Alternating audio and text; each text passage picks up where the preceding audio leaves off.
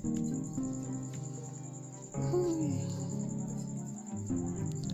Disadari atau tidak, raga dan jiwa kadangkala berjalan gak sinkron.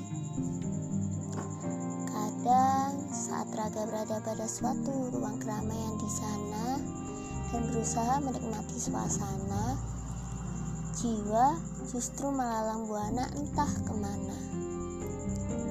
Bersama pikiran yang hanyut dalam lamunan atau bahkan pemikiran yang entah apakah jelas berujung di mana. Nggak apa-apa, setiap dari kita kan beda. Tidak usahlah berjuang atau berusaha untuk menjadi sama, untuk menyamakan. Kalau berbeda tapi bisa jalan bersama-sama, kenapa tidak?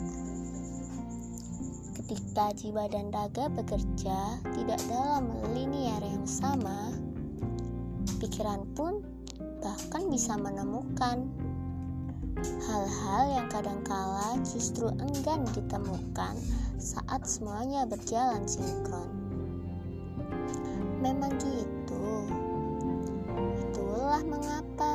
Saya sah-sah saja dengan keramaian.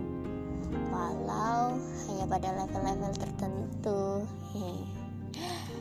Saat keramaian sudah terlalu cukup membuat diri saya harus segera keluar dari situasinya, saya hanya butuh celah. Celah untuk menemukan sunyi yang tak selalu berarti sepi.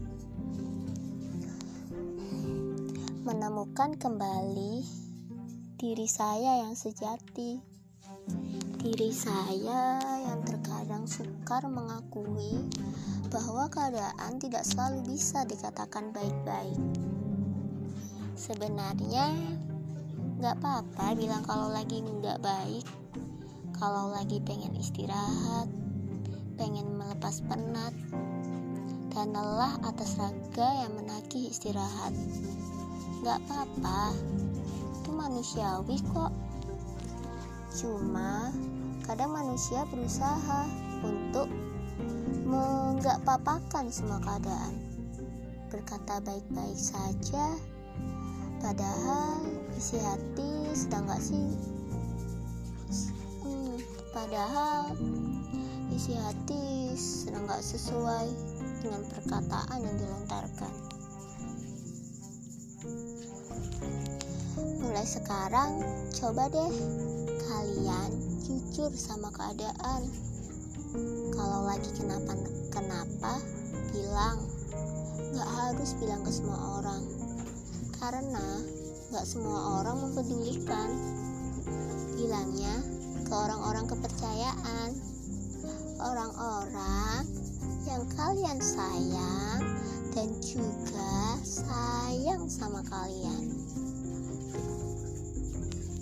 Mungkin gak selalu berujung dengan ketemu solusinya.